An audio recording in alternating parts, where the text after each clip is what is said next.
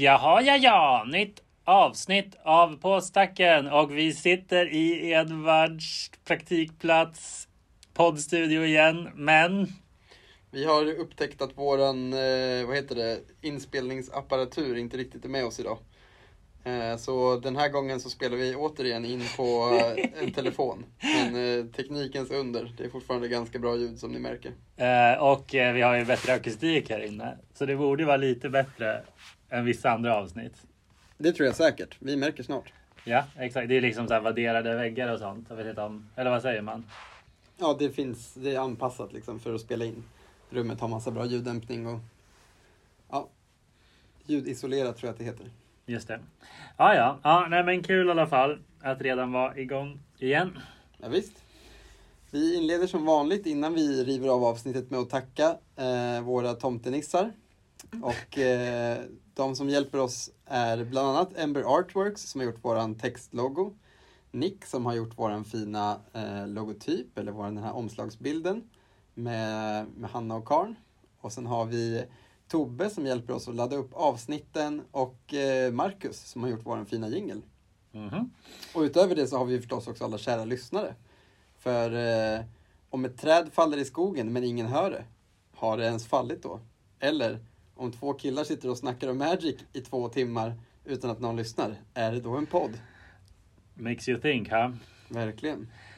Vad heter det? Det finns en otroligt eh, kul, eller väldigt, väldigt roligt skämt. Det var typ en tweet tror jag. Maybe. Jag vet inte om, du vet att det på engelska så säger man i gru grupper av djur har väldigt specifika namn på brittiska, alltså brittiska engelska. Ja visst det, Murder of Crows och så. Exakt, exakt. Så att det korrekta sättet. School of Fish. Precis, så det korrekta sättet att säga som du sa, en grupp kråkor på engelska är, alltså en group of crows är alltså, alltså grammatiskt fel, för det heter a murder of crows liksom.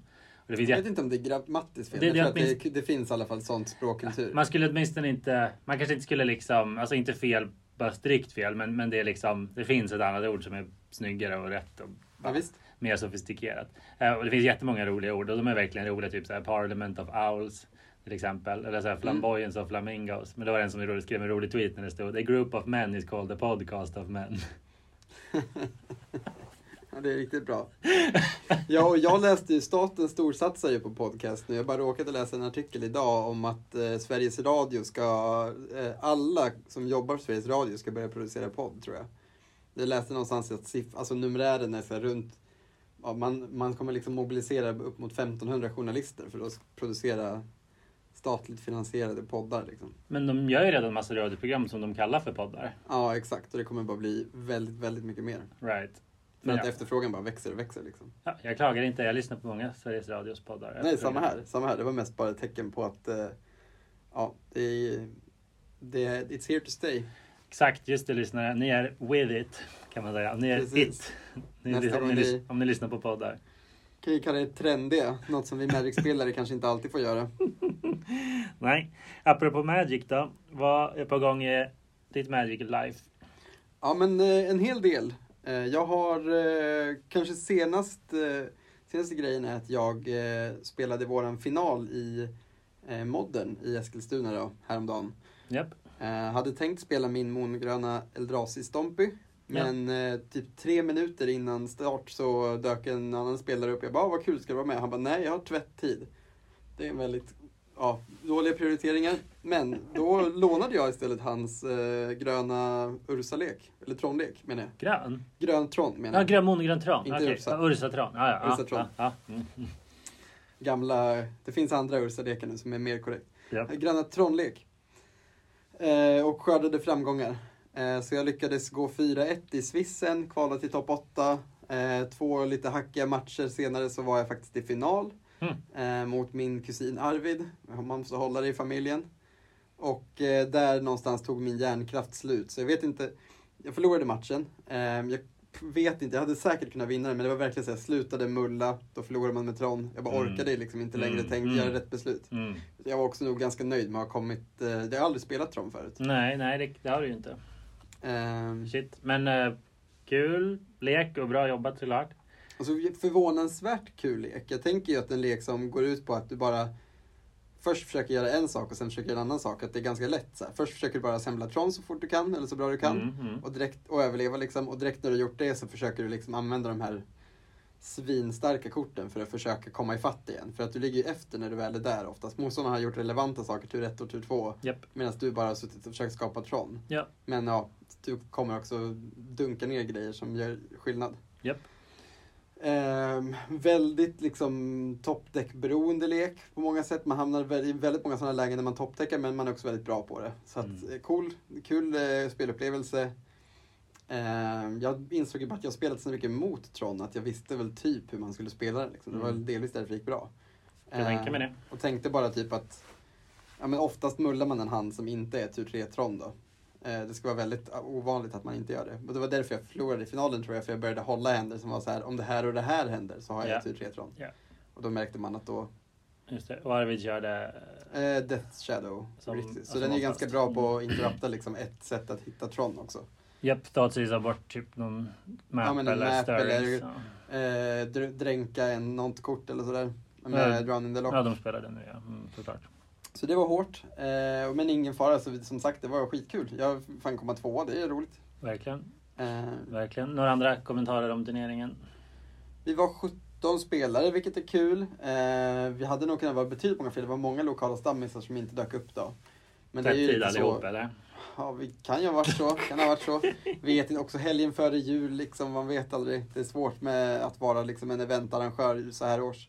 Det händer mycket grejer i folks liv faktiskt. Många är lite småtrötta, liksom, efter jobbat hårt och börjar ladda ur lite nu. Ja, verkligen.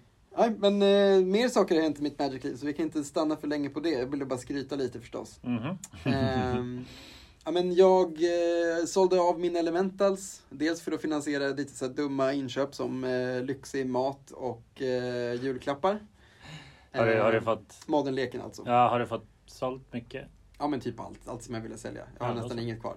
Bra. Ehm, jag har kvar länder har jag faktiskt sparat för jag tycker fetcharna är så billiga nu så de har jag ingen brådska med att bli av med. Framför, bara, framförallt inte fiendefärtsarna. nej, bättre bara spela med DH. Chockländerna skulle man kanske kunna sälja men jag tror inte ens att de här de kommer inte påverkas jättemycket av eh, Infinity. Ett ganska litet sätt. Nej, de kommer nog varken gå upp eller ner särskilt mycket. Nej. Bara typ några procent. Så jag tänker att jag sitter på länderna, petar in dem i EDH-lekar liksom. Och några in i pärmarna. Ja. Sparar dem till andra tider. Ja, visst. Jag har reagerat på att Blood Crypt och Breeding Pole specifikt är förvånansvärt dyra. Ja, verkligen. Men verkligen. annars, annars så ligger de ju som jag väntar mig. Ja, men det, var, verk- det är väldigt sant. Jag och brorsan spelade ju en random Winston Draft, jag kommer till det sen. Eh, då Då öppnade vi faktiskt en breeding pool Ja, eh, ja. från Dissension. Den är värd typ 190 spänn liksom. Ja, det kan jag tänka mig. Väldigt kul. Near mint som den var så är den säkert värd lite mer till och med. Den är så otroligt fin skick men nyrippad. Visst. Kan man Ja. få 200 för. Men men, ehm, ja, riktigt fint. Jag, vet inte, jag sålde mycket i leken, inte bara för att jag behövde pengar, för då hade jag kunnat låna pengar liksom, utan jag tänkte faktiskt att jag tycker de två vägarna som den leken har gått nu, eh, alltså att antingen bygga en Jorion Pile eller att spela, vad heter det, eh, den här eh, bara fyrfärgad kontrollleken som typ bara kör good stuff. Det är bara omnaf good stuff liksom. Båda de lekarna Ah. ser typ ut som en strikt bättre version av leken. Eh, eller det är liksom bara, du har inte Risen Reef längre men du har typ bara alla bra kort liksom. Ja, väldigt tråkig lek.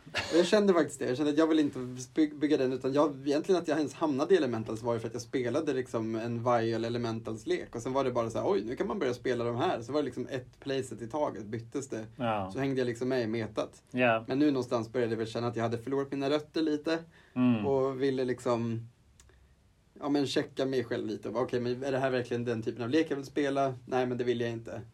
Eh, så vi får väl se vad det blir nu istället. Jag har funderat lite på E-tron faktiskt, även innan den här turneringen. Och jag har mycket av korten eftersom jag har min monogröna Eldrazi Stompy. Mm. Eller Acitron då tänker du? Ja, Mm. precis. precis. Så ja, ja, någonting nytt blir det i alla fall till nästa år. Men eh, exakt vad vet jag inte än. Det ska, vi, det ska bli kul att se. Japp. Skoj. Och ja, ehm, jag har ju inte heller eh, eh, slutat spela arena, så det kan man ju nämna att det blivit en del. Eh, försöker göra mina quests hela tiden och sånt Mm, för att vara eh, redo inför, jag tycker det ska bli, alltså standard verkar rätt kul just nu. Eh, vi kommer in på det sen, men jag tycker att Alchemy verkar rätt kul, så jag behöver mina wildcards liksom för att kunna bygga lekar i båda formaten. Och eh, ja, men det ska bli roligt och därför behöver jag liksom bunkra upp nu så att jag ja, men så att jag har råd att komma igång med de nya formaten typ lagom tills nästa set släpps tänkte jag. Neon Destiny. Ja. Eh, Dynasty. Ja. Ja, just det. Börjar lära mig sakta men säkert. ja. Eh, jag fick också min första 7-0 draft i Crimson Vow. Grymt. Eh, med en blåvit agrolek som fick tre av den här 3-1 för två som har typ två ganska bra abilities. Den kan få first strike Japp, eller dissa japp. kort och Ja, blinka. den, ja. Exakt. Så jag hade alltid den på kurva liksom. Det blev väldigt, väldigt hårt. Många lekar bara klarar inte av det. För Mm. att det finns inget sätt att hantera den på. Den Nej, klarar sig Exakt. liksom. Men det är som den där vampyren som man payade för Indestructible. Det är lite samma slags kort typ. Ja, de är lika. De är absolut lika. Ja, så jag undrar om den här också går in i kub. För den första gör ju det. Mm, bra fråga. Den borde kunna byta bra- ut något annat två Det finns så i mycket bra 3-1 för 2 i vitt nu alltså. Ja, det gör det verkligen. Yep. Eh, Haloblade också är ju bra. Diska ett kort för Indestructible. Den är, på sätt och vis kan ju den vara bättre för att du kan enchanta den med grejer och sånt. Det är lite ett nombo med just blåvita spirits-leken. Du kan inte, vill inte enchanta din 3 för du vill kunna blinka den vid behov. Just det. Ja, men så det var arenaspelandet eh, håller igång. Ja. Ehm, jag spelar rätt mycket historic också. Jag kan väl säga att än så länge i alla fall har jag inte märkt av någon skillnad där Okej. heller. Det är ganska, alltså det är typ samma lekar som innan liksom. Just det. Ehm, Ja, någon jag- omnat-lek som ser en del spel. Men- Just det, Omnaf är ju tillbaks nu fast nerfad. Ja, precis. Den kostar fem. Ja, Och, och Scrya rätt tror jag istället för dra. istället för ett kort, ja. Just det. Ja, Så, eh, och folk försöker spela den ändå, men det känns mediokert liksom. Ta, dra, framförallt att den inte drar ett kort är väl den stora, det stora droppet.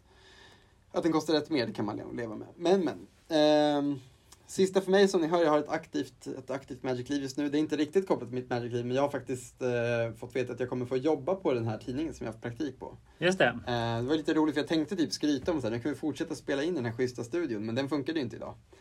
Sitter vi ändå och spelar in på en mobil. Men vi Ja. kommer kunna fortsätta spela in i den här schyssta studion. De har ändå lagt en del pengar på att göra i ordning den, så jag kan tänka mig att det dyker upp. På förra avsnittet så var det inte... Vi lyckades med ljudet va? Ja, jag tror det. Ingen ja, har klagat. nej, nej, men det var bra. Det ska ha varit bra. Så det ska bli kul att se eh, hur det går. Men framförallt ska det bli kul att se vad som händer med min Magic-samling förstås. Så att nu har den ju ändå krympt successivt i ja, men, Ja, för att du två, haft två lön, års tid liksom, eftersom jag inte haft någon lön. Eh, och det börjar väl bli dags för motsatta sen nu igen då. För att börja bygga upp. Eh, jag har mycket pimp som behövs till mina EDH-lekar så det är bara att... Ja, ja. Självklart. Nej, du, men du har ju... Du har inte liksom... För din, du, din, din blåsvarta dyrlek har väl inte... Du har väl inte sargat den va? Nej, den är helig. Den har bara Du har inte ökat. rört den fast du har... Den har ju bara ökat. Ja, bra, bra. Om jag har tagit ut något kort som har varit förbrutet så har jag lagt in ett kort som har varit dyrare alltid. Liksom. Det är principen. Sen ibland kan man ta ut något dyrt kort om man ska lägga in något fint kort. Liksom. Men det är Ja. inte för att tjäna pengar. Nej. Eller så vad ska jag säga? För att få in pengar. Ja. Men eh, jag har ju en grönblå fisklek också som kanske ska börja pimpas upp istället. Så jag har börjat spana Right. lite på en Tropical Island och lite sånt där. De är rätt billiga just nu också. Billiga Faktiskt, inom citationstecken. 3 och 5. Ja, du ser. Passa på ju. Ja, ja. Nej men eh, det, det får räcka så. Jag sätter punkt där. Det tycker jag låter klokt. Eh, Jag har ju då som kanske som tur är då eftersom du pratar så länge också en till precis som förra avsnittet ganska torrt Magic-liv tyvärr. Eh, Så ja, alltså jag har inte fått lira särskilt mycket. Jag har inte kommit iväg på modden. Det har varit i Eskilstuna någon gång. Lirat lite grann. Eh, Mest lite IDH, en liten modden tror jag. Du klämde ju våran Store Championship också. Ja precis, precis. Det gick Du gick helt till topp 8 väl? Jo, jo, jo. Ja, det gick helt okej för att vara en icke uppdaterad Murfolk-lek eh, och så. Så det är Jag väl... fick så jävla mycket stryk av Murfolks när jag spelade Tron nu. Jaha, Jag mötte den i Swissen, det var den matchen jag förlorade. Jaha, Ingen, chans. roligt. Han spelade fyra Spreading Seas och fyra Spreading Seas-gubben i main. Japp, Då kan man bara tacka. Det är ingen, var ingen chans. wow. Ja, det är rätt åt dig. Ens bästa line är att han inte har dödat den runda fem så att man kan smälla av en Oblivion Stone. Japp, Det är enda chansen man har. ja, låter rimligt. Eh, och han körde inte... Ja, då, vissa kör ju till och med Brazen Borrower i main så jag kan bounce stone också. Så det är ändå. Ja. ja, ja, eller bounce Wormcoil om du kommer till sex månader. Liksom. Ja, jobbigt. Japp. Anyways, eh, ja, så det var roligt. Eh, och, men annars har det inte varit jättemycket. Det är klart jag fortfarande liksom hänger med. Eh, säljer kort, köper lite kort eh, och allt det där gamla vanliga. Eh, väldigt taggad på Neon Dynasty som du sa, att de visar upp lite grann redan. Ja, Alltså jag har ju Alltså, jag tror att jag, jag, kommer, jag tänkte att jag ska gnälla lite på Alchemist vilket jag får mig att låta som angry, du vet, old man ang- screaming at cloud, du vet den där vanliga. Men, men jag är ju däremot, ska jag säga, när det kommer till just estetik och sci-fi och allt det där så är jag ju eh, väldigt open-minded om jag får säga det själv. Jag är ju mer taggad på, tror jag, både Neon Dynasty och New Capenna än på de här eh, lite mer retroflörtande sätten nästa år liksom. Mm. Eh, så eh, ja, Cyberpunk, good stuff. Eh, det kommer bli riktigt kul. Det var en väldigt snygg satsig trailer de visade. De visade lite kort. Eh, och eh, ännu fler bling treatments. Ja, men det såg all around väldigt, väldigt nice ut. Ja, verkligen. Ninjor är såklart tillbaka, Samurai är såklart tillbaks. Biker Mice from Mars. Ja, Inte hört om det? nej.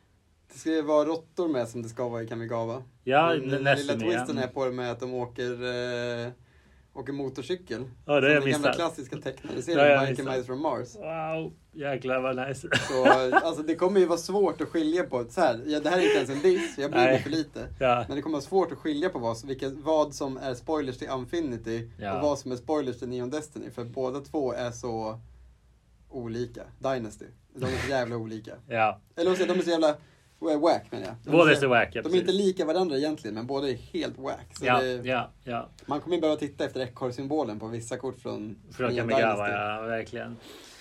Ja herregud. Ja men det ser i alla fall väldigt, eh, väldigt skoj ut. Men eh, jag är helt okej med. De kommer nog inte visa något på ett tag nu och det är bra. Så att eh, får vi smälta eh, Mm. lite annat roligt som hänt. Eh, men så, så är det med det. En liten annan liten smårolig grej som inte har så mycket med mitt närliv att göra. var att jag Eh, lite kort follow-up på favoritsegmentet från förra avsnittet när jag pratade om, om mitt Tinderliv. Så kan jag säga att jag, jag har i alla fall dejtat en, en tjej nu på sista tiden och Sist vi såg så var det första gången jag berättade om Magic.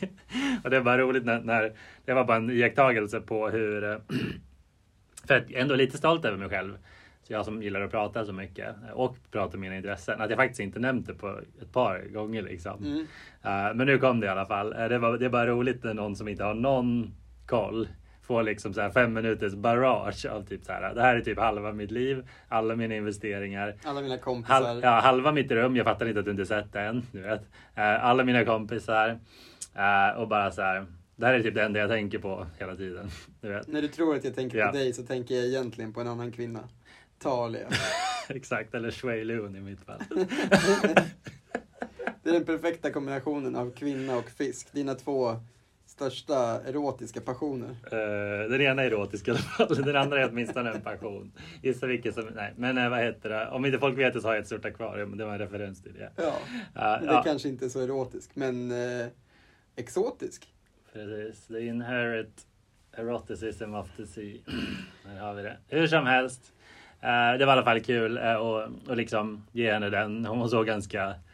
Hon såg helt förbryllad, alltså helt snurrig i huvudet ut. Men inte förtvivlad hoppas jag. Nej, hon tyckte mest det var typ dumt, gulligt och typ lite roligt och lite intressant. Ja, Vilket jag tror att de flesta eh, gör. Utomstående. Speciellt det, där, ja, men faktiskt, speciellt det där med att, man att det finns en community. Att man faktiskt umgås som vänner och har kul. Det tror jag att ja, men ingen frisk vuxen person kan ju dissa det. För att det är liksom något som alla vill ha. men Faktiskt. ingen riktigt hittar ja. Det Ja. är ovanligt i alla fall. För få i alla fall. Ja, japp, japp. Men vi kan stanna där eh, tycker jag. precis. Och eh, hoppa rakt in i dagens tema. Ja, exakt. Vi kommer idag att uppehålla oss vid år 2021. Så ni kan ju föreställa er att vi sitter här nu i varsin frack, varsitt Mm. glas champagne. Vi eh, blickar tillbaka över det nya året, det gamla året. Eh, och ja, det är, det är dagens tema, 2021. Detta Nyårsavsnittet. väldigt konstiga år på alla sätt. Inte bara Magic-mässigt utan kanske framförallt på andra sätt. Precis, lite av ett nyårsavsnitt. Och jag önskar verkligen att jag hade en skagentoast framför mig nu inser jag. Ja, det hade varit jävligt gott ja. Mm. Fan också. Kommer inte kunna koncentrera. Nej men vad heter det, så är det. Så tanken är att vi recapar året lite. Som en eh, liksom årsrapport. Ja, visst, Eller hur? det blir fantastiskt. Japp, så vad har hänt i Magic-världen under 2021? Vad var hits? Vad var misses? Eh, och bara lite all around vad vi hållit på med. Eh, så tycker jag att det kan ju vara ett grymt sätt för er lyssnare och för oss liksom att ja, men blicka tillbaks på allt som har hänt och uppskatta det. Eh, ja, men det, det roliga som vi ändå har bakom oss.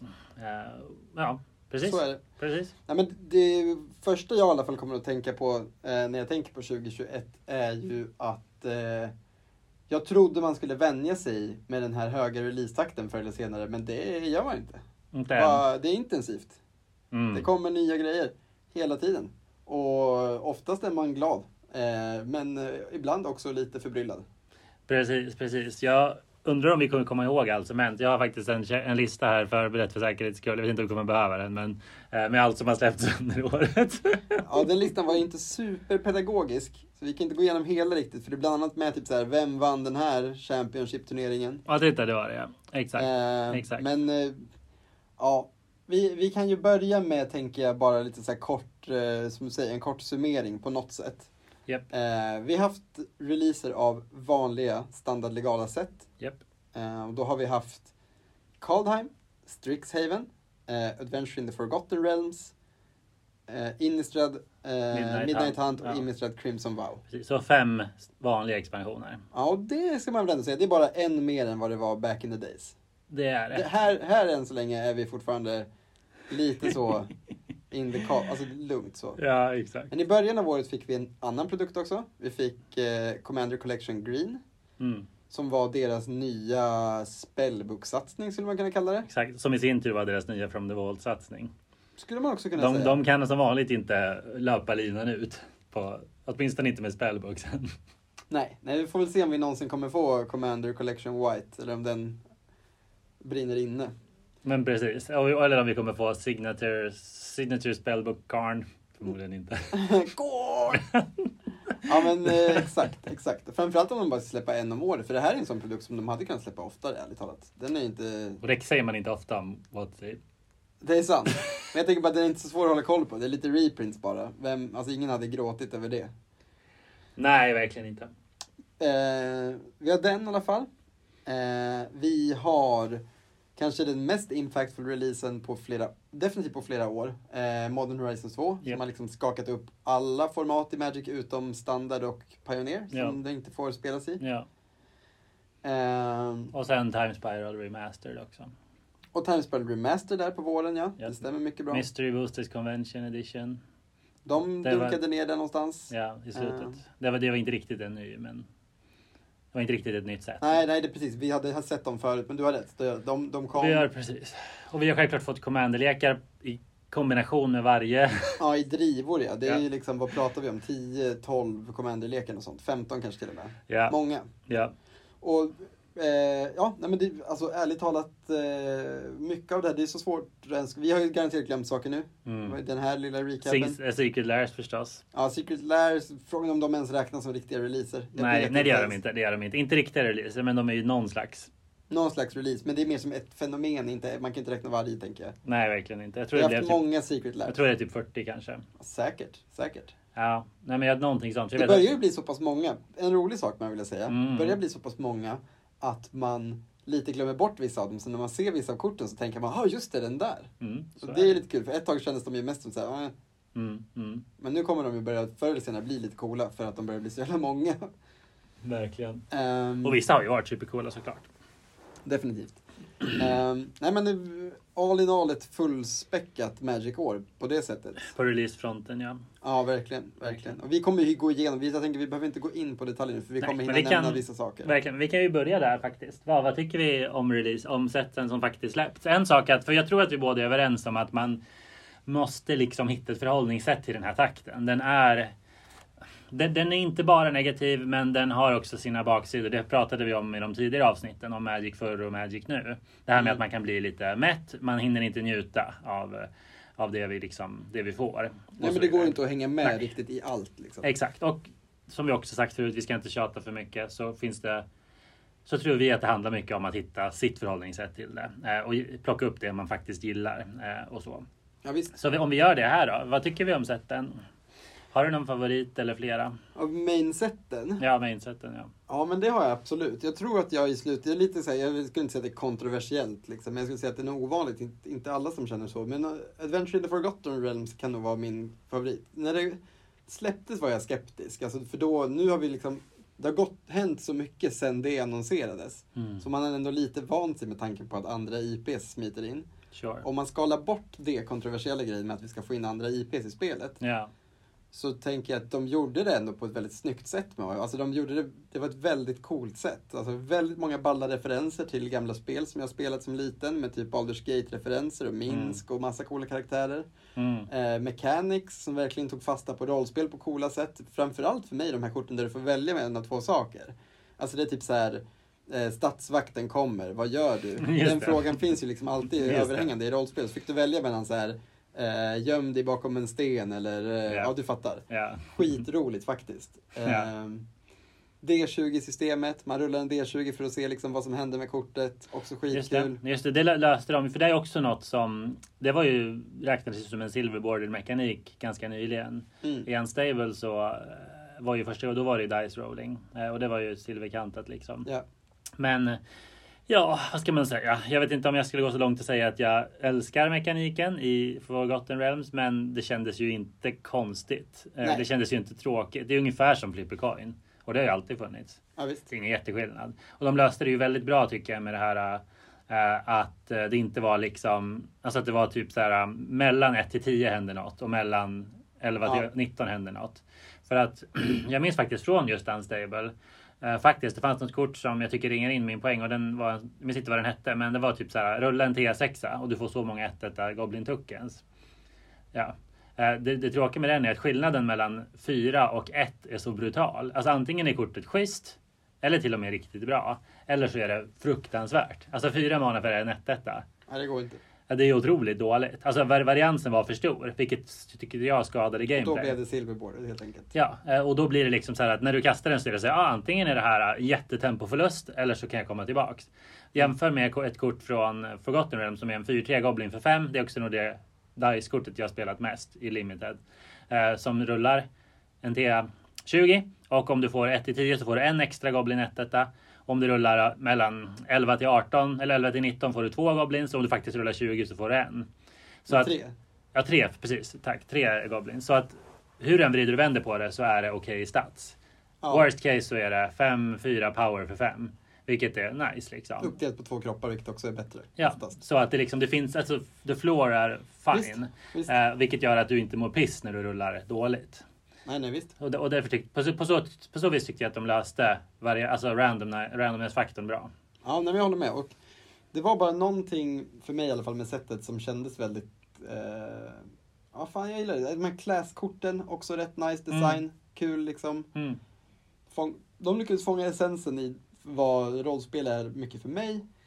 Eh, I ett Magic-set. Och det är ju så kudos att de lyckas göra det, för min del i alla fall. Det är ett bra speldesign när det händer. Eh, men jag var ju också verkligen the target audience, har spelat rollspel hela mitt liv. Mm. Och, eh, hade inte jag gillat det så vet jag inte vem som hade gillat det. Verkligen. Och jag kan ju bara slika in jag tyckte också att det var väldigt bra. Och jag har ju inte spelat rollspel. Och jag har ingen koll på Dungeons and Dragons. Förutom alltså genom att bara vara nörd och hänga i nördkretsar så känner jag igen vissa namn. Alltså Mm. ganska många. Alltså som du sa, eh, Baldur's Gate, även typ såhär Mordenkainen, eh, Tiamat, sådana Ja, saker. visst. Jag känner bara igen namnen och bilderna liksom. Eh, men förutom det har jag ingen koll på D&D. Eh, och jag tyckte det var nice. För mig var det mer så här, ja, trevligt med ett true fantasy-set. Ja, Faktiskt. Det var bara så här. Ja, men härligt med ett Magic-set som bara är fantasy och inget annat. Ja, och jag har inget emot gimmicksen. Som jag sa, jag är taggad på Neon Dynasty liksom. Men ändå, det var, kändes mysigt och, och lite old school. Ja. ja. Vad var din favorit då? Oj, jättesvårt. Alltså jag, jag är ju liksom... Jag brukar ju vara den negativa av oss. Eh, och jag, jag, jag gillar ju releasetakten. Eller jag ser baksidan med releasetakten. Den, den är ganska stor för mig. Men jag tycker ju ändå... Jag påpekar gärna att jag tycker kvaliteten är allmänt jäkla hög. Alltså ingen av sätten känns kassa. Inga känns som floppar, inga sätt som släppts i år. Eh, Alla känns bara bra, alltså above average bra om man tänker på alla Magic-sätt. Ja. Alltså, jätte, alltså Kaldheim och Strixhaven. Helt olika liksom feeling, helt olika mekaniker, helt olika liksom art style. Men båda känns magic, båda känns coola, roliga. Eh, de gav oss ju det, ger oss det man tänker att man ska få liksom. Alltså de har alltid en smart, det ska de ge dem cred för, att de har en setmekanik minst en varje gång som känns spot on alltså. Eh, Fortell liksom i Kaldheim kändes gjutet, jättesmart. Vi fick runes, vi fick alla gudarna som man tänkte sig att man skulle få. I Strixhaven så fick vi den här med att man lessons och learn kändes jättegjutet i en skola. Alltså jättesmart fast det liksom var väldigt unik me eh, mekanik. Ja. Jätterolig i Limited. I Constructed tycker jag inte så mycket om den men äsch, helt okej. Okay. Uh, och uh, i, i, Venture into the Dungeon jätteoriginell, jättekaxig, modig mekanik. I, ja. Känns gjuten flavormässigt, jättekul. Ja, alltså all around nice liksom. Blood i Crimson Vow blev jag imponerad av. Så jävla självklart liksom när de väl gör det. Ja, uh, och, och sådär. Så ja men allt som allt bra sätt allihop faktiskt. Om jag måste välja en, då kanske det är... Alltså... Jag tror att jag gillar kanske Kaldheim mest, men jag hade inte så starka minnen av det limited-formatet. Jag vet inte varför jag inte riktigt fick till det. så det drar mm. ner det lite. Hmm. Svårt. Men som jag sa, jag gillar, och jag gillar också Adventures mycket. Jag var funderade nästan på att välja den också. Alltså av de anledningar vi redan pratat om. Ja, svårt. Men som jag sa, alltså imponerad allt som allt liksom. Alltså, de, det är alltid någonting som överträffar mina förväntningar när det kommer till så här, hur de ska ta sig an det här temat liksom. Alltså så är det ofta mer kreativt än jag trodde till och med. Ja, faktiskt. Ja, det tycker jag verkligen att man alltid måste ge cred för. Uh, av de exemplen jag nämnde liksom. Uh, Night, Night and Day från uh, Midnight Hunter jag är inte riktigt säker på. Alltså det är ganska träligt att keep a track av det där alltså i limited. Ja, verkligen. Jag har fått när jag var TO påminna folk som spelar modden och kör... Ett Night and Day-kort spelas ju. Daybound-kort, det här eh, som pangar artefacts när den delar skada till en spelare. Den har ju en sån effekt. Det finns en, en werewolf för två. Yep. Som du dels kan offra och panga yep. en artefakt, men den har också på var, varje sidan då att den... När den attackerar, ja. När den attackerar pangar den en artefakt. Den mm. är ju mm. riktigt bra.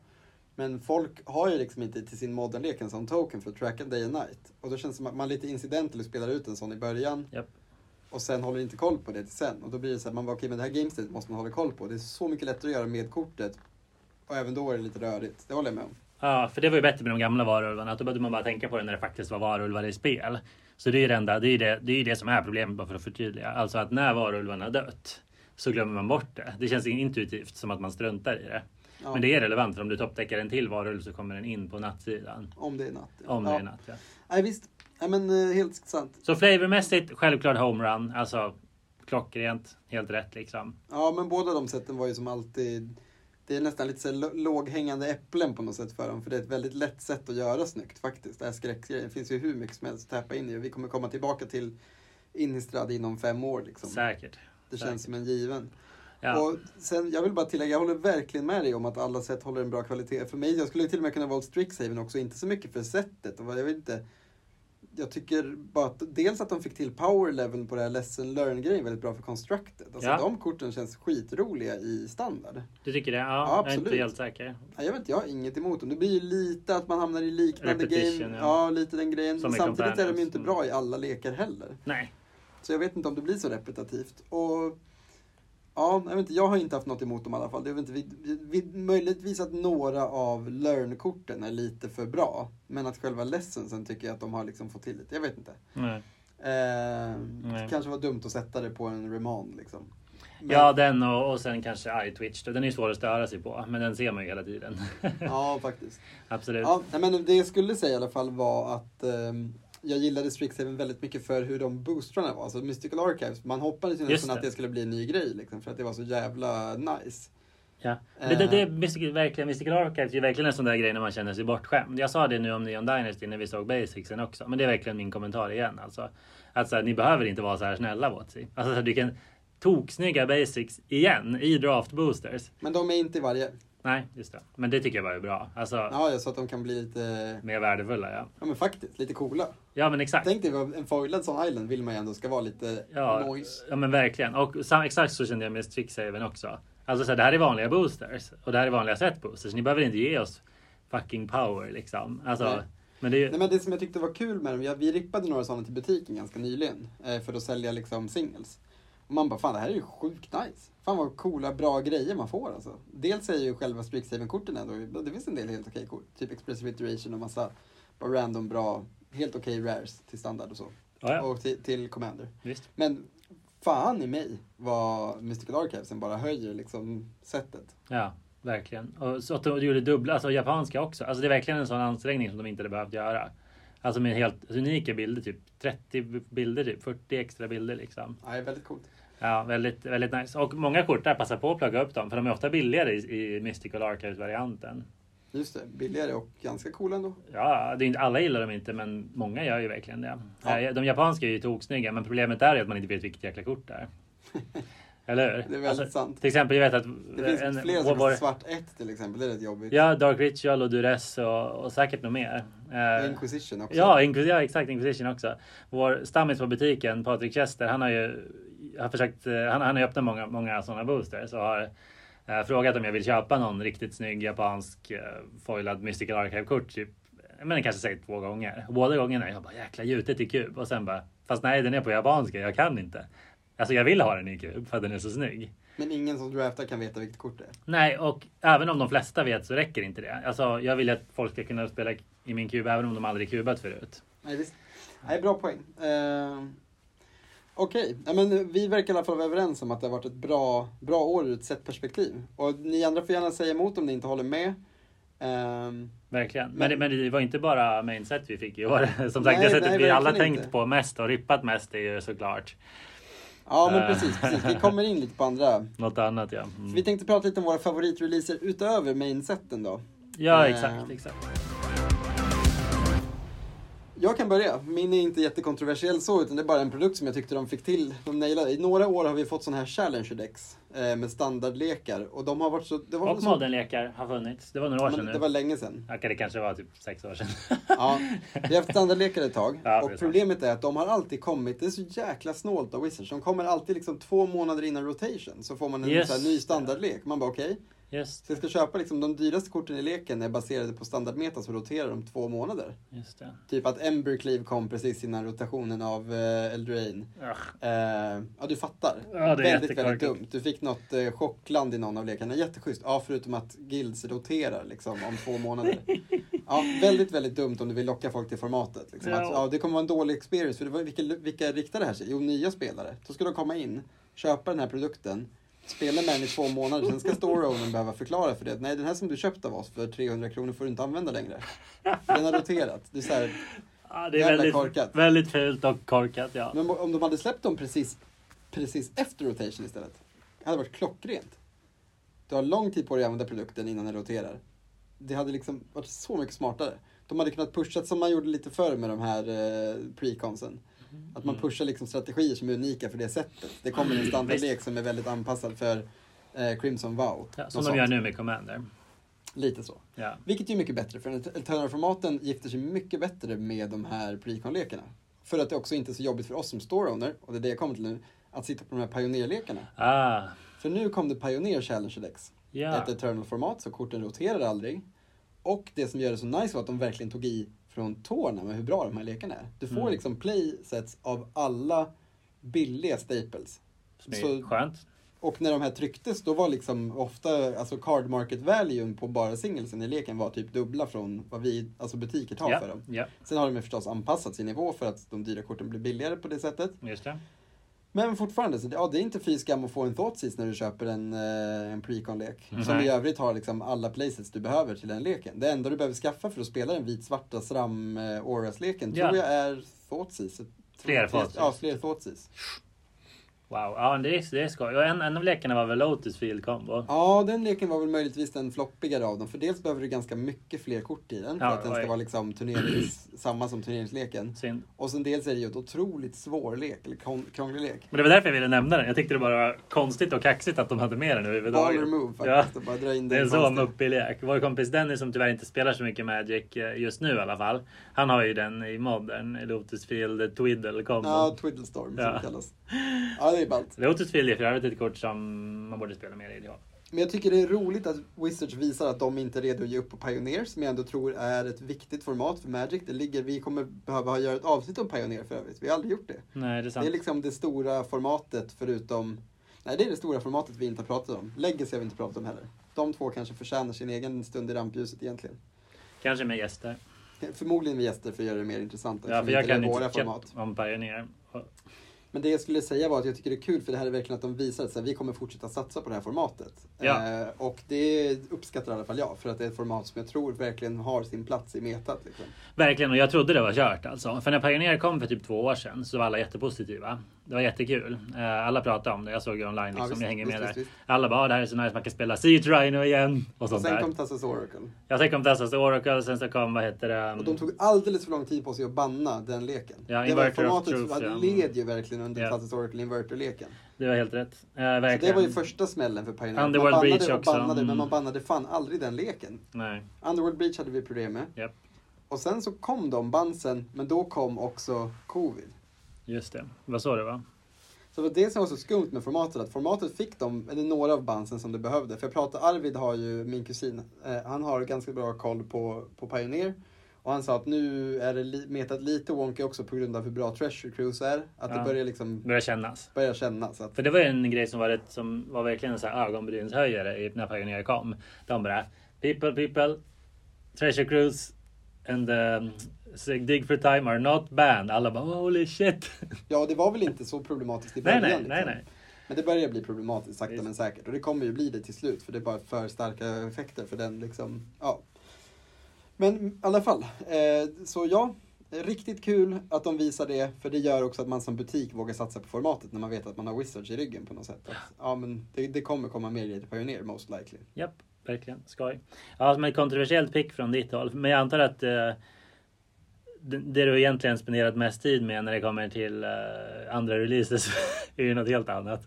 Modern Horizons 2. Och det är ju Big Boy i rummet. Jo, visst är det så. Men jag tänker också att man också, dels är det väl liksom, den får, har ju fått sitt naturliga highlight för att den har påverkat många Magic-spelares liv så mycket. Det måste ju vara den mest sålda produkten i år. Jag skulle bli jätteförvånad om Ja. Wizards har sålt Ja. mer av något annat. Ja, För oss är det ju definitivt, alltså hands down, Modern Horizons 2 kan ha sålt mer än alla andra Magic-set. Jag tror inte det är så illa. Men det kan liksom vara i paritet i alla fall. Att den Ja, ligger liksom, ja den ligger definitivt högre än om du kopplar ihop två andra set tillsammans. Vilka som helst av dem vi har haft. Ja, wow. Men Eh. exakt, men precis. Så vi bara för att ta det. Alltså om någon har levt under en sten så släppte ju alltså Wizards sitt andra Horizons set. Där tanken är att det är kort som trycks direkt, direkt in i Eternal, men även modern då, det är unika. Till skillnad då från Commander-seten och eh, Master-seten som är bara le, eh, legala i Legacy och Commander och så. Så är det här också legalt i modern. Det är gjort för att passa in i Ja, modern. man skulle till och med kunna säga att set, det är designat direkt in i modden. Ja, precis. Istället, och skiter i standard. Exakt. Men du får också spela det i, i legacy och, så vidare. Och Vintage och Commander, ja precis. Exakt, så, så är det. Och på det sättet kan de trycka starkare kort som inte behöver gå igenom standard. De kan trycka mekaniker som inte passar in i standardsätt, alltså gamla mekaniker, ta tillbaks Ja. dem. Ja, allt som allt, otroligt väldesignat sätt, extremt kul, extremt kreativt. Jag måste bara Eh, fråga, har vi gått ett halvår snart med Modern Horizons utan en enda bann från Modern Horizons? I guess. Det är ju insane. Ja. Precis. Ja, det första Modern Horizon-sättet gjorde vi ett helt avsnitt om. Eh, Och vi är ju fans i den mån att precis som tvåan så är det jätteroliga sätt med jätteroliga kort. Ja. Eller hur? Men Power Level är ju jäkligt hög och den här gången alltså holy shit. Som sagt, har du spelat modden sista tiden så har du inte bara spelat med de korten, mött de korten. Du har säkert hört mig eller någon annan skämta om att "Haha, nu spelar vi Horizons. Vi kan bara kalla formatet Horizons istället för modern. För att, du, eller något, du vet. Den något skämt åt det Ja, det är hållet. För att varenda jäkla och har du kollat Youtube-videos säger folk det, du vet. Ja, du vet. Här, här är någon som, här är, man spöar någon lek online, Patch på Magic Online, så säger någon liksom så här. Ja, så går de ut och spelar Horizons kort liksom. Så här, ja, här ser vi tydligt hur någon som inte har Horizons korten förlorar och så vidare. För det måste ju ändå vara minst 50 kort från setet som spelas i modden nu liksom. Det var då en väldigt hög siffra, men du kanske har rätt. Jag vågar ändå, vi, vi kan fact-checka och återkomma men jag, skulle, jag, jag tror fan det är för Ja. lätt till 50. Nej men exakt, men antalet kort från Modern Horizons 2 som ser jättemycket spel i modden har warpat formatet är ju skyhög. Bara för att nämna några. Murktide Regent, obviously, Ragavan, Apan, Kungen. De fem evoke element alltså. De fem evoke-elementalerna, exakt. Eh, och eh, det är väl liksom de, mest, de sju självklara som jag kommer att tänka på. Men sen har vi också Unholy Heat, vi har liksom Commons. Vi har Prismatic. Ending Ja, viktiga. Två av de bästa removalsen i, i Magic faktiskt. Ja, faktiskt. Eh, så det är helt, det är helt bananas. Eh, Men så- också bara så här lite fringiga kort som bara typ är väldigt speciella. Typ Damn, Eh, Ja. Två viktiga kort till Enchantress-leken. Fler än två, fler än två. Är det fler än två Jag tror det. Jag Enchantress? tror de tryckte hela... Har ju, Enchantress Presence, hon nya vitgröna gubben och eh, och den som gör att saker blir... Ja. Eh, den där, den reprintade de ju in i modden. Confinement, ja. Nej, den som gör att du får eh, in, hexproof på enchantments. Vad fan heter den då? Ja, Sterling Grove. Ja, Och Confinement som jag sa, så det är fyra. ja så de basically gjorde en ny De lek. gjorde, de gjorde hela leken Du legal. hör ju nu att det är ju 50 kort. Det kommer ju vara 50 kort när man går igenom som spelas i kompetitiva modellekar. I guess. Tideshaper och Swaylund då till mig. Ja, ja, verkligen. Ja, hur som helst, ja, ett bonkers sätt på alla sätt. På alla och, vis. och uppe på allt det här också den första riktiga reprinten av eh, fiendefetcharna. Ja, verkligen. Alltså det finns så mycket att säga om det här jäkla sättet. Som du säger alltså. Det rippas ad infinitum liksom på grund av att alla korten. Det är så mycket value och korten är insane. Mythicsen är svindyra. Det finns massa lyxvarianter av korten. Old border. Eh, extended border. Sketch art. Alltså det här har vi också skojat om förut liksom. Man blir Ja, snurrig. och uppe på allt här, ännu mer coola saker. Typ, de, har, de har printat massa legendariska karaktärer för första gången. Typ Japp. Torak är med. Japp. Eh, och du får hjälpa mig, vilka mer har vi? Vi har eh, Ja, men som jag, som jag redan nämnt eh, så, så har vi ju... Asmoran Omardi, Kaidasti Ja, visst. Nakuldakar. Exakt, exakt. Och Lund då, så hon är också en referens till gamla kort. Eh, och, uh, ja, men, och reprintat också legend, alltså klassiska karaktärer som Titania och, och mycket annat. Så Hela det- Squirrel-subtemat. Japp, Squirrels i, i Blackboarder igen. Kicking som ass. Ja, nej men allt som allt. Helt crazy sätt. Helt crazy på så många sätt. Och eh, sätt, sätt, sätt. Fattigt språk man har. Eh, ja, vad, vad kan man säga som inte har sagts? Det är, det är crazy. Ja, en sak till kan jag säga och det är att jag garvar ihjäl mig varannan gång jag läser ett kort från sättet. Alltså för att det är så tongue in cheek. Det har vi nämnt ju förut. inte eh, Ursa Saga. Det är ju fan Ja, kanske det, det, mest impactful kortet från hela sättet. Ja, bra att du lade till annars hade vi fått skäll. med all- För det är verkligen Ursa Saga helt...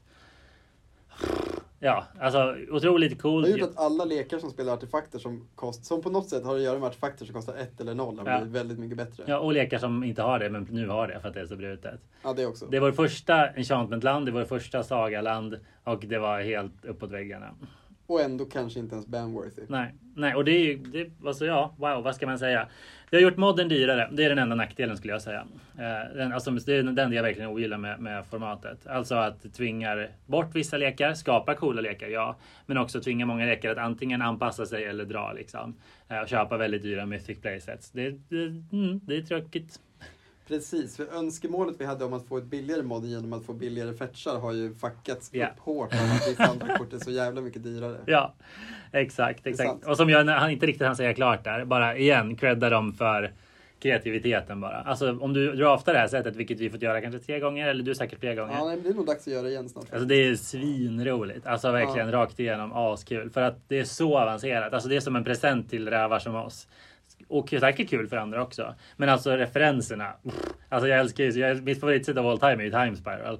Eh, för att det är så mycket roliga referenser till gamla kort och så. Det är så fyndigt. Det är så jävla dad jokes på dad jokes liksom.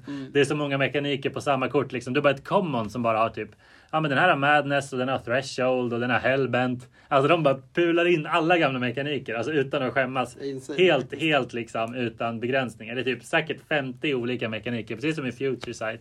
Eller som i förra Modern Horizons. Mm. Och jag älskar ju det rakt upp och ner. Alltså det är så klyftiga kort på common-slotsen och uncommon-slotsen. Som inte får någon cred för att man spelar dem bara i draft liksom. Ja, det är väldigt sant. Nej, det finns fan, vi kan inte riktigt släppa det helt. Det går ju liksom inte att prata om 2021 utan att göra ett sånt här långt pitstop i, i Modern Horizon-träsket antar jag. Men jag tänker att en till liksom värd, värd kommentar på något sätt är att ja, en av, ett av problemen är liksom att det, det höjer priset för mycket och det går inte att komma ifrån. Jag håller med. Men alltså, det är verkligen sjukt att de har lyckats printa ett sätt som haft så här stor impact på modden och som ändå har gjort ett så intressant format av modden. Där det spelas så sjukt många lekar. Där det är så sjukt många olika lekar som klarar av att leverera. Mm. Och det, alltså, jag vet inte om jag någonsin haft ett så här jag vet inte om jag någonsin haft ett så här liksom brett modern meta i mitt liv i alla fall. Alltså Nej, det, det kan nej. vara det bästa och det är sjukt för att det är liksom Ja, det är bara hat, alltså hatten av. Ja, Jag är, jag är jävligt imponerad, jag tycker att de har gjort ett fantastiskt jobb. Jag ser fram emot att se hur de fortsätter det här liksom. Ja. För det, alltså om vi jämför med Modern Horizons 1, eh, så verkar det som att de lyckades väldigt mycket bättre nu. Liksom. Beroende på vad målet var. antar jag. Men båda har ju helt otroligt bra kort, båda sätten. Så. Ja, Jag tycker ja de, det. är sant. De dyraste korten i modden är fortfarande Modern Horizons 1-kort. Är det? Ja. Okej, Force of Negation. Force of Negation och Ren 6. Just det, Ren ja. ja. De är fortfarande betydligt mycket dyrare än Solitude och eh, Apan. Det är sant. Det är sant. Ja, ja.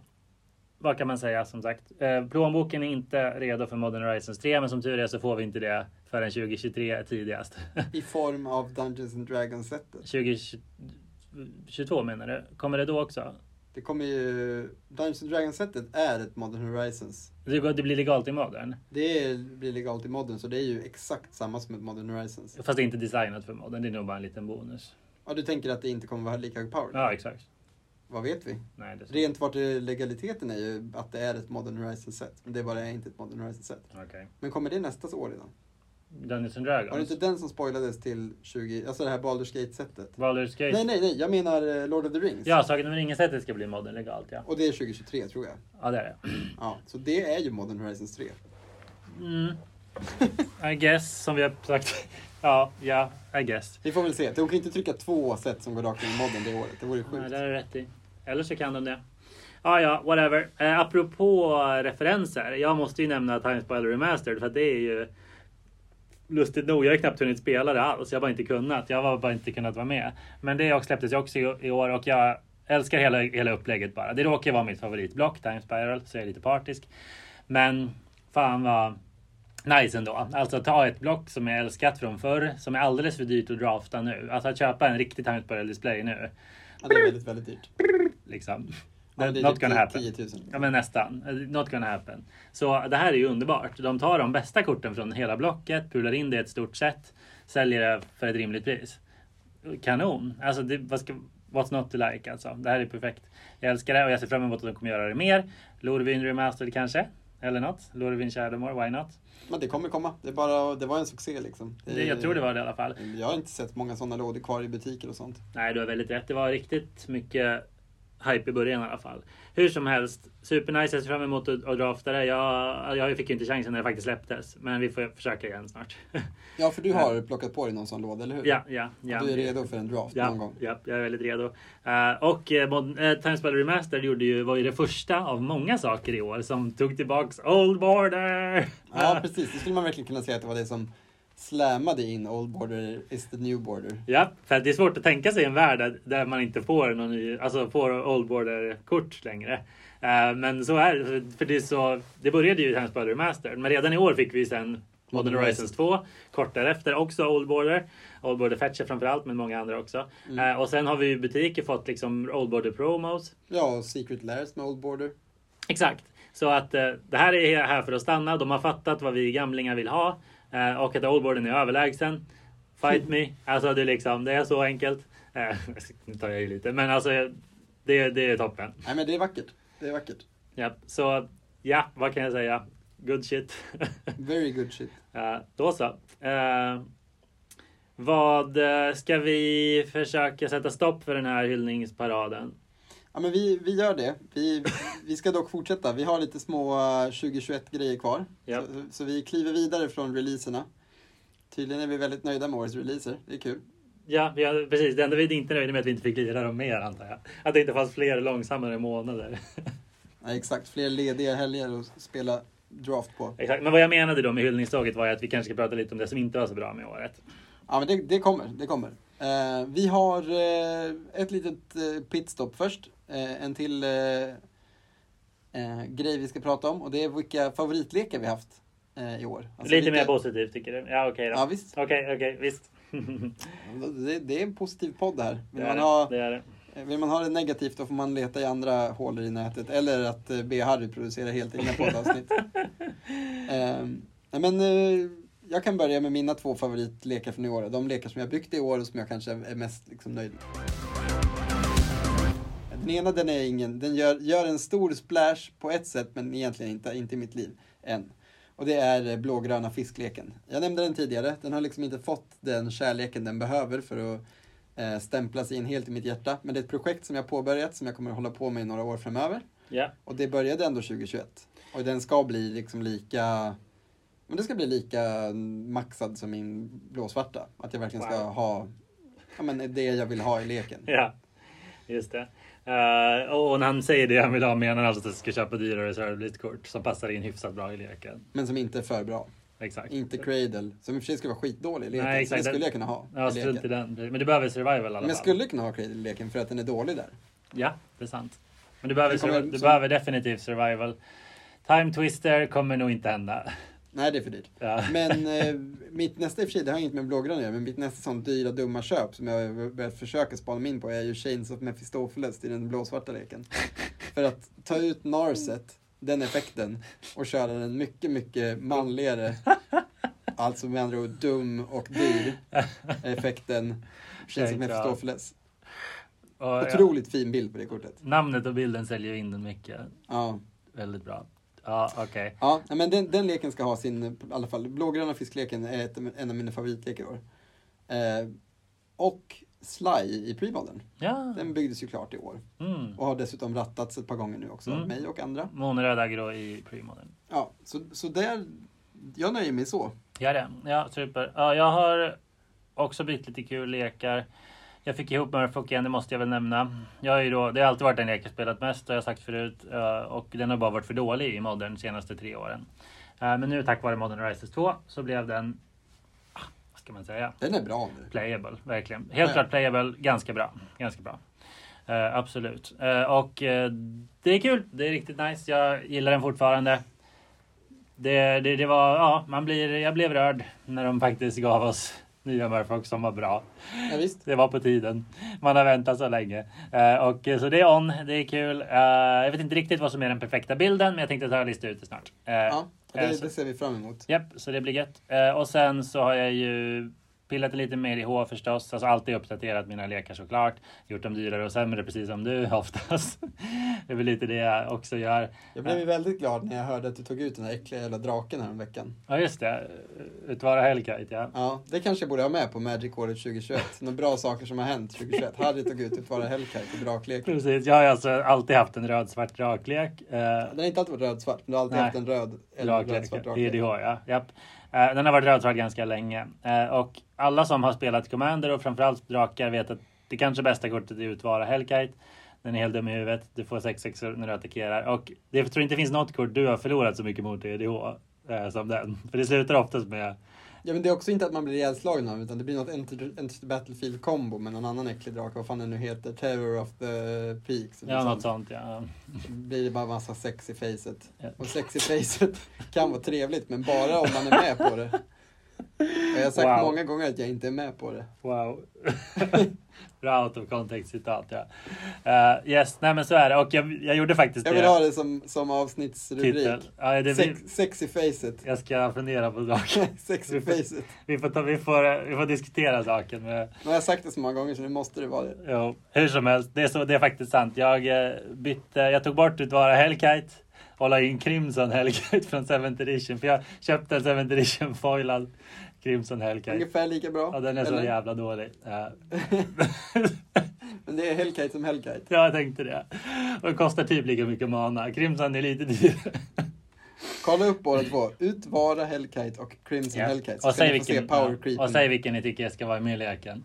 Ja. Eh, så är det. Eh, men också så har jag byggt ju min uh, överhypade monotvätt-artefaktlek. Och jag, den har faktiskt överperformat i att vara rolig i alla fall.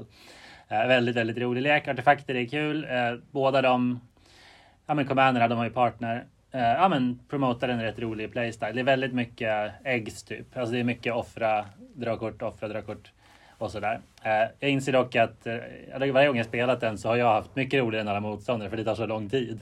Alltså varje tur tar så lång tid för att den är jättesvår att spela, helt ärligt. Alltså det är så mycket options. Ja. Eh, men så är det. Ni får leva med det, mina motståndare. Ja, visst.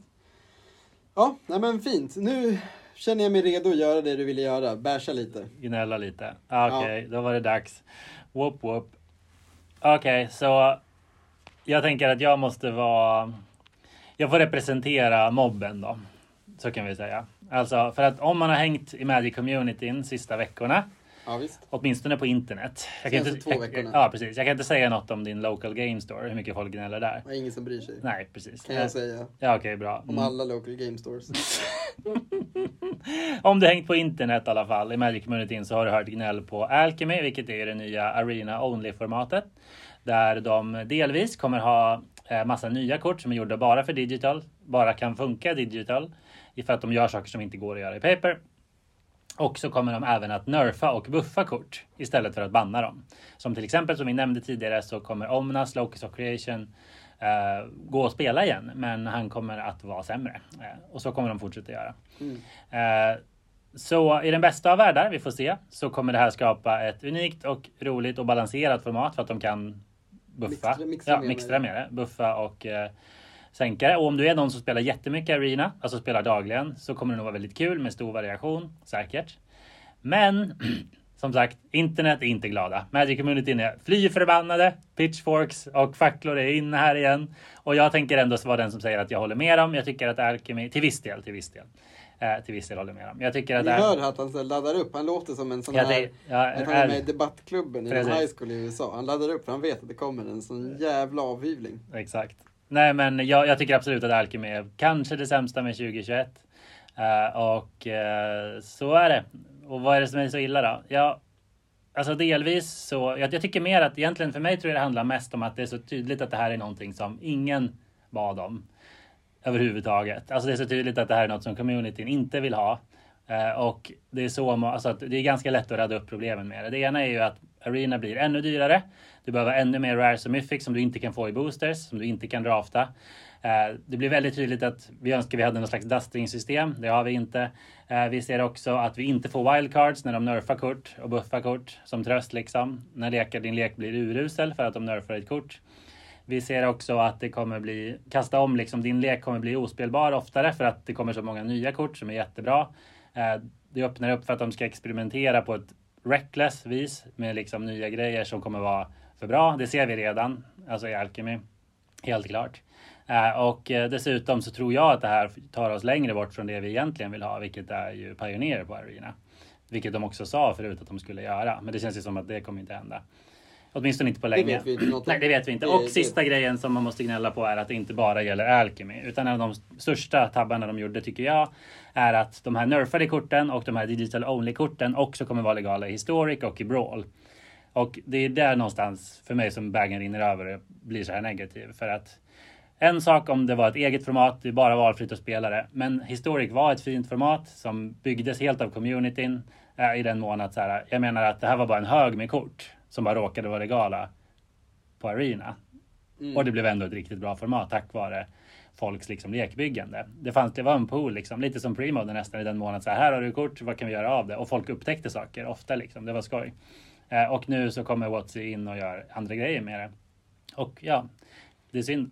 Men, ja precis. Jag vet det här finns väl inte så, alltså jag har dels ett eh, stort statement här som bara är så här, det är inte, ja, alltså jag, vet, jag tror inte så många bryr sig så här mycket. Du, alltså, Nej, säkert så här investerad som du låter nu tror jag inte ens att du själv är. Det här kommer inte påverka dig. Jag alls. sa ju att jag är en voice for the, the people, ja. the angry people. Ja, jag säger det som jag läst online och som jag håller med om. Trots att jag försöker vara the voice of a reason i de här sammanhangen ska jag hålla med om att det här förstärker problemet med att det är en lite fucked eh, ekonomi på mm. Arena. Den behöver bli generösare. Så ja. Det här gör inte saker bättre när man inte ens får tillbaks wildcards för kort som bannas i standard. Mm. Så det är tråkigt. Eh, jag kan hålla med om att det kan finnas en viss nostalgi.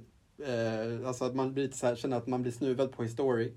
Samtidigt känner jag, som jag sa till dig innan, att Historic är ju också ett format som har fått de här liksom paketen som printas rakt in i Historic. De har ju den template, men det är delvis tack vare dem själva som Historic har varit ett kul. Med, alltså, jo, visst. Det är inte, du, du ser att det är communityt som har byggt det, men Wizards har ju också byggt det genom att ge liksom olika kort som de tänker det här kan ni få experimentera med. Vanliga genom, kort alltså? Genom att banna med kort som de tänker det här var ju lite för starkt för Historic. Sure, sure. De har släppt in kort från, vad heter det, Jumpstart i Historic. De visst. har gjort eh, helt digitala only-kort till Historic.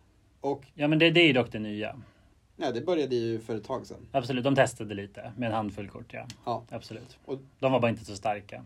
Jag, jag fattar det du säger. Jag tänker för min del, jag känner nästan ingen sorg i det här. För att för mig så är det bara ett, alltså, jag går in och spelar Arena någon gång om dagen.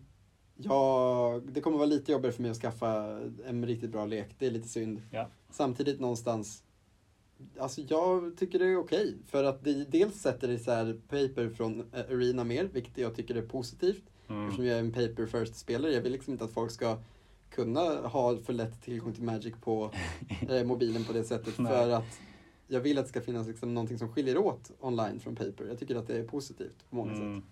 Visst. Eh, Det kan göras på många sätt dock. och, det, och det görs på många sätt. Och det gjordes Eh, redan med Historic. Men eh, visst, jag, alltså grejen med Historic är ju bara att det ska innehålla alla kort som är på Arena. Ja. Det är ju deras slasktratt. Det är inte, det är inte liksom tanken att det ska vara Pioneer på, eller på Arena. Utan det är liksom Legacy på Arena. Allt som finns på Arena Ja, visst, finns i. Historic. Och då Så är blir det så här, tyvärr. Det, här, Visst, det hade inte behövt vara så. De hade kunnat sagt nu slutar det här vara Vintage på Arena. För vi kommer inte ha med de här korten där. Det är bara Alchemy. Men om de skulle följa principen av Historic som var att inkludera allt som inte är bannat. Då blir det ju så här. Ja, fast det är, en, alltså, det är en läsning av principen. För jag, jag tror tvärtom, att jag tror att det här är väldigt väntat. Det är alltså det. Är. det är att de skulle börja göra digital only-kort och försöka liksom göra att deras mobilspel kanske blir mer attraktivt som mobilspel på många sätt. Tror Jo. jag alltså, det caterar lite till olika crowds. Det caterar inte Nej, kanske visst. i första hand till dig och mig ens. nej, nej, så är det ju. Som redan har access till deras produkt på andra sätt. Ja, ja Eh, nej, visst, visst. Och, men som sagt, ekonomin är fortfarande lite fakt. Eh, och det är synd. Och det tänker jag, håller jag med om att man kan göra någonting åt. Eh, det, det, ska, för mig så är det mer så här. Jag tycker det ska bli spännande att se vad som händer. Jag är inte jättenegativ och jag är inte faktiskt heller jättepositiv heller. Jag ska, Nej, tycker nej. många av de här korten ser väldigt roliga ut och ser fram emot att spela med dem. Vissa är lite roliga, helt klart. Jag vet Eh, inte. Men det, kän, det känns som att det här är liksom det klassiska grejen av att folk gräver ner sig i mycket typ negativa spontana reaktioner. Och man litar liksom inte alls på Wizards förmåga att kunna balansera och ratta med de här grejerna. Och jag menar, fine, om man tror att det här kommer bli någon slags katastrof för Arena, då, då kanske det här känns jobbigt. Ja, Men frågan är hur investerad i Arena man är då? Ja. Alltså jag vet inte, det, det är för min del, jag känner bara om jag hade varit mer investerad i Arena kanske jag hade känt mer som dig. Jag spelar ändå flera gånger i veckan. mm. Och nej, du spelar ju mer än jag. Och känner ändå typ så här, ja, okej, intressant. Visst, visst. Men det där är verkligen, verkligen. Och som jag sa, jag personligen så, ja men så, så tycker jag att det, det, det, det blir, jag tror det blir liksom någon slags, det blir lite symboliskt bara hur, ja men, men jag tror, jag tror att jag kan ändå delvis dela den känslan som jag tror att många nördar gör och många communities gör ofta liksom. Jag kanske, man kan jämföra kanske med Star Wars-nördar som skriker sig hesa liksom på forum. Den här känslan av att så här, nej men, jag tror det är känslan av att vara lite övergiven på något sätt. Ja, visst. Eh, Att den här känslan av att så, det här är inte för mig längre. Eller så här, det här Ja, att så här, vi behövde inte er hjälp. Vi klarade oss bra utan er. Så här, det var mitt spel. Vi byggde vårt eget liksom. Ja. Eh, när, de, när, när pappa kommer in liksom och bara så här kastar omkull allting. Men nu gör vi på ett helt annat sätt. Like it liksom och get out. Alltså den känslan liksom. visst. Och den är överdriven, den är väldigt aff- affektiv, den är väldigt emotionell liksom. Och Ja, jag, och jag, och jag, känner, och jag känner den affekten till exempel när jag förlorar mot, alltså mot digital only kort. Alltså kort som gör saker som inte går i Magic. Alltså det här är irrationellt av mig, men jag blir ju mer arg än mot vanliga kort. Det är verkligen så här, bara, det här är inte ett Magic-kort, du vet. Vad, vadå Seek? Vadå, vadå, vadå draft? Min, min, så här, min, jag tror till och med min poäng är att ja, man får bli upprörd på det här och man skulle kunna ha högre förväntningar, absolut. Men jag tror någonstans att det, du- är inne på någonting väldigt viktigt här. Att den minoriteten som vi tillhör av Wizards konsumenter, Ja, trots allt, jo, jo, det vet jag. eh, är inte deras liksom, target audience för deras spetsprodukter. Och kan inte vara det. För vi kommer inte köpa mest displayer. Vi kommer inte köpa gems där ändå. Nej, Så samtidigt som vi sitter och skriker högst för att vi bara, ni gör de här grejerna. Man Okej, men hur många gems har du köpt då? nej precis, precis. Om de skulle kunna göra en sån undersökning bland alla de här som klagar mest. Hur Mm. mycket de har investerat i spelet som de Mm. försöker designa. Mm.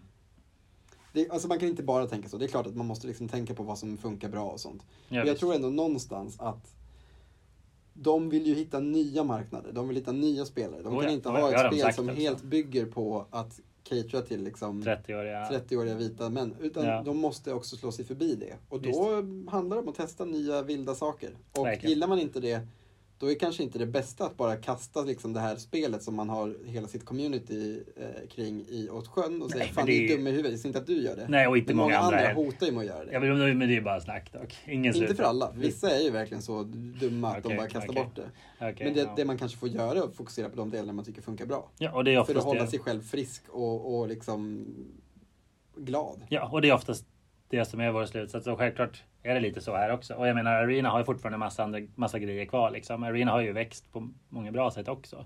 Jag menar, för något år sedan så fanns inte Brawl, det fanns inte draften mot riktiga spelare och så vidare. Alltså det, finns, det kommer grejer liksom som är, som är lite skojiga. Vi, jag tror vi, Mm. om Arena fortsätter vara poppis kommer vi få Pioneer också där. Kanske. Och det är ett en vacker stort, dag. alltså det, händer det så det är ett stort steg. Det är det. det, är För det. idag har vi ju bara standard som det riktiga constructed-formatet på Arena. Ja, Eh, och det tycker jag är lite synd, för det, det skulle verkligen må bra av att ha ett eternal-format. ja, och det var det det- jag tänkte att Historic var. Men Historic var redan wack. Du, säger, du försvarar med att Historic var sin egen grej, jag fattar det. Men Historic, vad Wizards hade för plan för Historic och vad community gjorde det till var uppenbarligen två olika saker. I så Tydligen. fall då. Tydligen. Och det är synd, men that's life. Ja. eh, Precis som att det finns folk som inte säger att modern suger nu för att det inte ser ut som det gjorde för tre år sedan. Jo, jo, visst. Verkligen. Verkligen. Ja, så är det. Men, men. Vi får se hur, hur det utvecklas. Vi får se om de faktiskt någon gång gör något åt wildcard-systemet. Vi får se. Eh. Men det finns en baksida av det här sättet som, som Wizards utvecklar spelet på. Det finns vi, folk som oss, som hänger sig kvar fast att det händer en del dåliga saker. Ja, Men det finns ju också folk som typ min bror, som fortfarande är en passionerad Magic-älskare, men som förmodligen har en väldigt lång väg tillbaka in i vår upplevelse av Magic idag. Att alltså att det är så mycket grejer som händer som är så främmande för honom. Att han skulle ju verkligen behöva liksom nyförälska sig i spelet för att komma in i det. Han skulle Mm. inte liksom kunna bara luta sig in i det liksom. Eh, för att det har hänt så otroligt mycket sedan han var liksom som mest inblandad i det. Och så måste det ju vara för många andra också. verkligen. Ja, ja, nog om det. det vi, vi får se om, om hur många chanser jag och du ger. Ultimate tycker du var det sämsta med 2021. Ja, vi Ja. säger så. Jag kommer, inte- jag, jag, tänkte- Vi har redan pratat rätt länge nu, så vi säger så.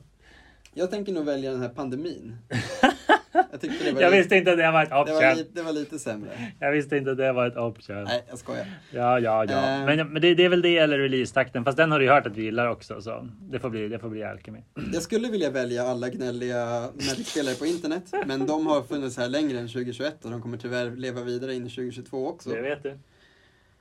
Ehm, och jag kan ändå tacka dem för att de har drivit fram en, eh, jag vet inte hur mycket deras förtjänst det är, det är också lättplockade pengar för Wizards. Men vi har fått reprintade Fetchlands till exempel, det var väl en bra grej. Man skulle kunna säga att det är för alla influencers som har gnällt, men jag tror att det också är väldigt mycket bara ett bra sätt för dem att tjäna fett mycket pengar. Så ja, grattis antar jag. Eh, men men eh, min är nog Secret Lair antar jag. Alltså utvecklingen för Secret Lair. Ja. Det är ju, pratade vi om i förra avsnittet lite kort, men det är väl liksom mitt lilla hatprojekt. Ja, och det är, förlåt, men det är väldigt, vi är väldigt förutsägbara här i alla fall. Jag, jag är den som representerar de gnälliga Twitter-communityn eh, och du gnäller på Secret Lair. Det enda grejen du gnäller på. Ja, nej men det är, jag, jag, jag känner fortfarande, det är inte ens en produkt jag, och jag tycker produkten är fantastiskt designad, det är så jävla bra. Jag bara hatar att den inte går igenom butiker. Ja. Att de liksom kör print on demand grejen och bara skiter i deras hårt arbetande partners liksom. Ja. Det är ett jävla scumbag-beteende och det kan de dra och, alltså verkligen. Jag blir på riktigt ledsen när folk som jag har byggt upp liksom i communityt och fått liksom att börja spela deras spel och lärt spela deras spel Ja, utan att få en krona för besväret liksom. Väljer att... du får väl några kronor. Jag, nej, jag får inga pengar. Jag menar för när, du köper, när de köper produkter menar jag. Ja, till våran butik, men vi tjänar inte pengar liksom. Det är ju ett välgörenhetsprojekt än så länge. Att hålla en butik menar Att hålla på med en butik, ja. Jo, nej, det är precis, om någon har missat det mot all förmodan så är det inte, det är få som går in i spelbutiksägandet för att bli rika. Det finns, det finns butiker som är duktigare än oss, som har bättre marginaler och tjänar mer pengar, absolut. Ja. Men i vårt fall, vi, vi är inte där än. Liksom. Nej, Och då känns det ju surt när jag, jag å ena sidan förstår kunder som köper Secret Lair-produkterna för att de är så jävla nice. Det är sjukt bra design. De är spot on. Det, jag tycker inte att folk inte ska köpa dem. Inte det. Jag tycker inte att kunderna är illojala som köper dem. Utan jag blir ju sur på Wizards liksom, som Ja. inte ger våra kunder en chans att stötta oss i det läget. För nu vet jag kunder som lägger liksom en stora, stora merparten av sitt eh, Magic-spenderande på Secret Lair. Och köper ganska lite i butiken. Alltså Mm. verkligen inte kasta shade på dem. Ni ska köpa det ni vill ha. Men kasta shade på Wizards för att de har tagit ifrån de här kunderna möjligheten att stötta sin lokala spelbutik som har Alltså, som sagt, det är vi är ofta de som står och liksom bygger upp det här communityt. Ja. Och sen väljer man liksom att kapa oss i, i, ur ledet. Mm. Och, alltså jag vill bara säga lycka till att driva det här spelet utan local game stores. Liksom. Så är det.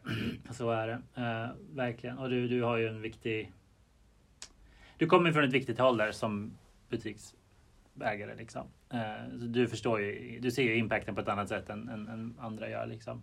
Och det har vi pratat om förut. Eh, och så är det ju. Men eh, man, om man ska göra ta den positiva sidan så är det väl att Wizards visst ger en massa saker till local game stores.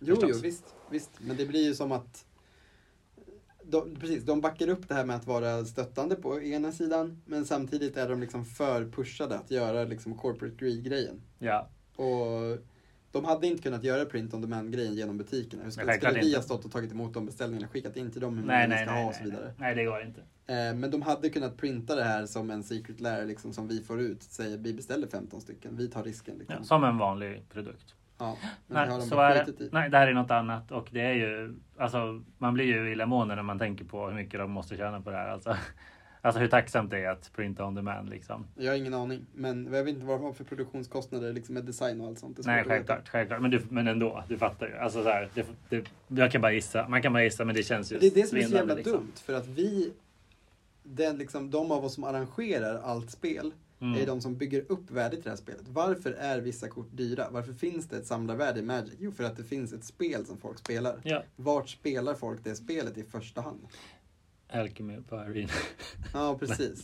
Nej, folk spelar det liksom i första hand eh, och kommer i kontakt med i första hand genom local game stores. Ja, visst. visst. Ja, jag vet inte. Ja, det, det gör mig lite, jag, jag blir lite, nästan lite illamående av att tänka på hur eh, det typ är. Alltså, Wizards är ju verkligen i liksom en klämma där, där de å ena sidan vill maxa hur mycket de tjänar på spelet, men Japp. de kan inte göra det för då fuckar de sina local game stores för mycket. Ja, Och där har de ett problem på riktigt, att de kan inte fucka local game stores för hårt. Nej. Så de måste fortsätta fida oss och samtidigt liksom maxa den här Visst, och det är helt, förlåt, men alltså det är inte helt olikt logiken i på Arena också. Alltså med ekonomin. Alltså så här, hur mycket kan man klämma åt för att du vet, hetsa folk till att köpa gems? För det är allt de vill egentligen. Alltså hur lite kan vi ge dem så att de liksom ändå känner sig att de trillar över? måste de börja sälja gems där ja. Ja exakt, och det gör de ju såklart redan. Men jag menar alltså så här, hur mycket kan de fucka folk i målet att få dem att få gems utan att de blir för arga och slutar spela? Alltså man måste, de får inte sluta spela. För att man vill ha kvar dem tills de börjar köpa gems va? Du vet. ja. Så det, det är en balans verkligen som du säger. Alltså lite liknande tankesätt. Ja. Och det gäller väl massa business. Alltså det är inget unikt för Magic. Ja, men det problem för mig där är att säga att jag börjar jobba nu och jag börjar tjäna helt okej med pengar. Ja. Man sitter och spelar arena fem timmar i veckan Ja. och du inser hur mycket gems du får av att spela fem timmar i veckan. Ja. Och jämfört med om du bara lägger det du tjänar på att jobba en timme på gems Mm. och får förmodligen dubbelt så mycket ut av det. Säkert. Där någonstans kommer det börja bli attraktivt att köpa gems. Jag fattar ju ändå den grejen. Kommer det bli attraktivt att köpa Secret Lair? Ja, nej. Men det är för mig är det inte samma sak. Nej, De produkterna konkurrerar inte med varandra riktigt lika mycket. Nej, nej. Jag vill bara passa på uh, se just att hur Wizards temptar oss liksom. Ja, Ja. nej men så är det. men skitsamma, det, finns, det vi försöker konstatera är att vissa problem finns ju. Jo, jo, verkligen, Eh, verkligen. och man får ta det för vad det är. I mitt fall som, som eh, butiksägare handlar det om att fokusera på de produkter som funkar. Liksom. Och som arenaspelare njuta av spelet. Alltså jag spelar ju mest för att kunna drafta, ärligt talat. På Arena? Ja, det är det Jo. jag tycker är roligast nu. jo men det gör nog Och sen råkar en bieffekt vara det var att man ibland kan bygga en riktigt kul constructed-lek och ha kul med den ett tag. Ja, det är inte helt olikt här. Faktiskt. Faktiskt. Ja, vi, Ja, ja. vi har lite, lite kvar innan vi ska in i eh, det berömda slutsegmentet. Hinner vi något mer? Ja, men absolut. Okej, En, yes. eh, en sista eh, personlig anekdot som vi får välja ut av från det här fantastiska Magic-året. Mitt bästa Magic-minne från 2021 är nog den första riktiga pre-releasen som vi hade i vår nya lokal. Det var fett faktiskt, att bara samla ihop eh, 30 pers och li- lira en riktig prälle liksom. Um, så, så det är väl, ja, alltså om jag ska ta med, mig, ta med mig någonting till nästa år så är det att jag bara längtar efter att köra fler riktiga prällar. Så kan vi gava prällen, sjukt peppad. Ja. Det blir eh, riktigt nice. Ja, alltså vad kan man säga? Jag är väl lite liknande. Alltså, jag har haft flera roliga helger eh, hos er, men just ehm, verkligen. Det var någon gång som Ja, men som jag fick köra till exempel min kub då för första gången på länge och vi blev liksom ja, men långt över förväntan intresse och det kan ju ändå det är ändå väldigt eh, härligt. Man verkligen märker att så här, shit, ja, folk har ork, folk är taggade. Liksom. Magic är tillbaks på riktigt, alltså på plats. Liksom. Så det tror jag. Det var någon som riktigt maxat Magic Academy, tror jag, både Prelle och Cube och eh, någon draft och, och sådär. Jag minns inte vilken av dem det var Ja, som var mest maxad. För alla har varit ganska maxade. det blir ju Ja. så när man väl är igång och det vet ju du om någon liksom. Ja, visst, visst. Som haft eh, gått hem några timmar senare än du trodde. Många gånger. tänkte, ja precis. Ja, nej men det är ju. eh, Ja, nej men det är verkligen. eh, Verkligen super eh, att ändå ha den här hobbyn och det har ju varit väldigt skönt eh, med lättade restriktioner och vi får verkligen hoppas att Ja, i, i, stunden som vi spelar in så har restriktionerna inte förvärrats så mycket. Det, Det kommer pratas, förmodligen bli lite mer restriktioner igen, ja. det pratas lite på grund av den här jävla Megatron-varianten. Men det är bara... Så det. Alltså om de här sista 20 procenten vaccinerar sig så kommer vi inte behöva hålla Om. på med restriktioner. Om Ja, men folk får bara skärpa sig nu. Nu är det fan nog. Alltså, jo men faktiskt, vi har, det är, om folk vaccinerar sig i högre utsträckning, då har vi färre dödsfall, Ja, det vet färre jag. sjuka, skit i restriktionerna. Omikron kan smitta på bäst det vill, för det är ingen som dör av det längre då. Nej visst, nästan ingen. Du har helt rätt. Och, men ja, jag menar bara att ja, det är ingen diskussion vi kan ta här, men jag vet inte hur vi, hur vi ska få dem att göra det. Nej, nej det är sant. Nej men vi är på väg in i, i, in i att bli new Phyrexia igen i alla fall. Är sjukdom och elände överallt. Du har rätt. Nej, det tror jag inte. Det tror jag inte. Eh, ja, är det något annat sista man vill säga om 2021? Jag har älskat alla de här grejerna vi uh, pratade om. Alltså Mm. personliga events, alltså som du ordnat själv. Jag har ordnat kaosdraft, kubdraft, alla mina favoritgrejer. IDO obviously. Eh, men jag har ju däremot inte varit på en GP och det är ingen annan heller förutom de på Las Vegas. Eh, och det tycker jag är lite synd. Jag hade nog en liten lös förhoppning att vi skulle kunna komma igång nu till hösten med riktiga GPs Magic Fest igen. Ja visst. Så det är lite synd. Nej, det finns väl inte ens solklart vem det är som ska göra och sådär nu. Så vi måste Nej, liksom komma nej. för bort från corona så att någon kan ta risken igen. Och... Spelfaktoriet får göra det. Ja, nej men vi kommer nog börja få se lite större Magic-turneringar igen till nästa sommar skulle jag gissa. Ja. Så jag tror att det kommer börja dyka upp folk som Paper vill göra det. Ja, men absolut. Det finns en marknad. Det är bara spännande att se vem som fyller det här hålet. Liksom. Ja. Ehm, Jag som också doppat fötterna lite i Warhammer-scenen har ju sett att det har liksom kommit igång mer och mer. Så Ja. de, Mm. de ligger lite före oss nu. Men de har ingen digital motsvarighet va? Nej, det har de inte. Nej, Nej. ja, och Tabletop Simulator finns det något som heter, men det är inte Sure, alls, det funkar sure. inte. Nej. Inte så bra. Men eh, visst. Nej, men jag har också en sån här sista 2021 slutgrej då, som är att eh, de ju faktiskt i år slutade något som har funnits nästan lika länge som Magic. Pro-scenen är förändrad för alltid. Det är sant. Eh, Apropå det GP. som vi kände igen då som en Pro Tour, som var spelare som visst till viss del kunde till och med bli lite avlönade för att spela Pro Magic och man fick så här resor eh, betalda till Pro Tour events och skit. Det var jävligt maxat. Det är borta. Ja, och vi får se vad som reser sig. Det är samma som med Magic Fest. Vi får helt enkelt se. Just nu är vi alla, lever vi alla i ovisshet. Ja men precis, precis. Och det finns ingen poäng för Wizards med att spoila något sånt i förväg heller. Så att det kommer när det kommer. Någonting kommer ju hända liksom, Ja. absolut. Men, men, Vi vill ha GP så vi vill ha något, eller något bättre. Eh, och sen vill vi ha, som du säger, en Pro-scen med Paper också. Så vi hoppas på det ja, till 2022. till 2022. Då så, så gott nytt år! Nej, inte än. Vi har eh, Du kan inte missa. ett segment kvar såklart. Precis.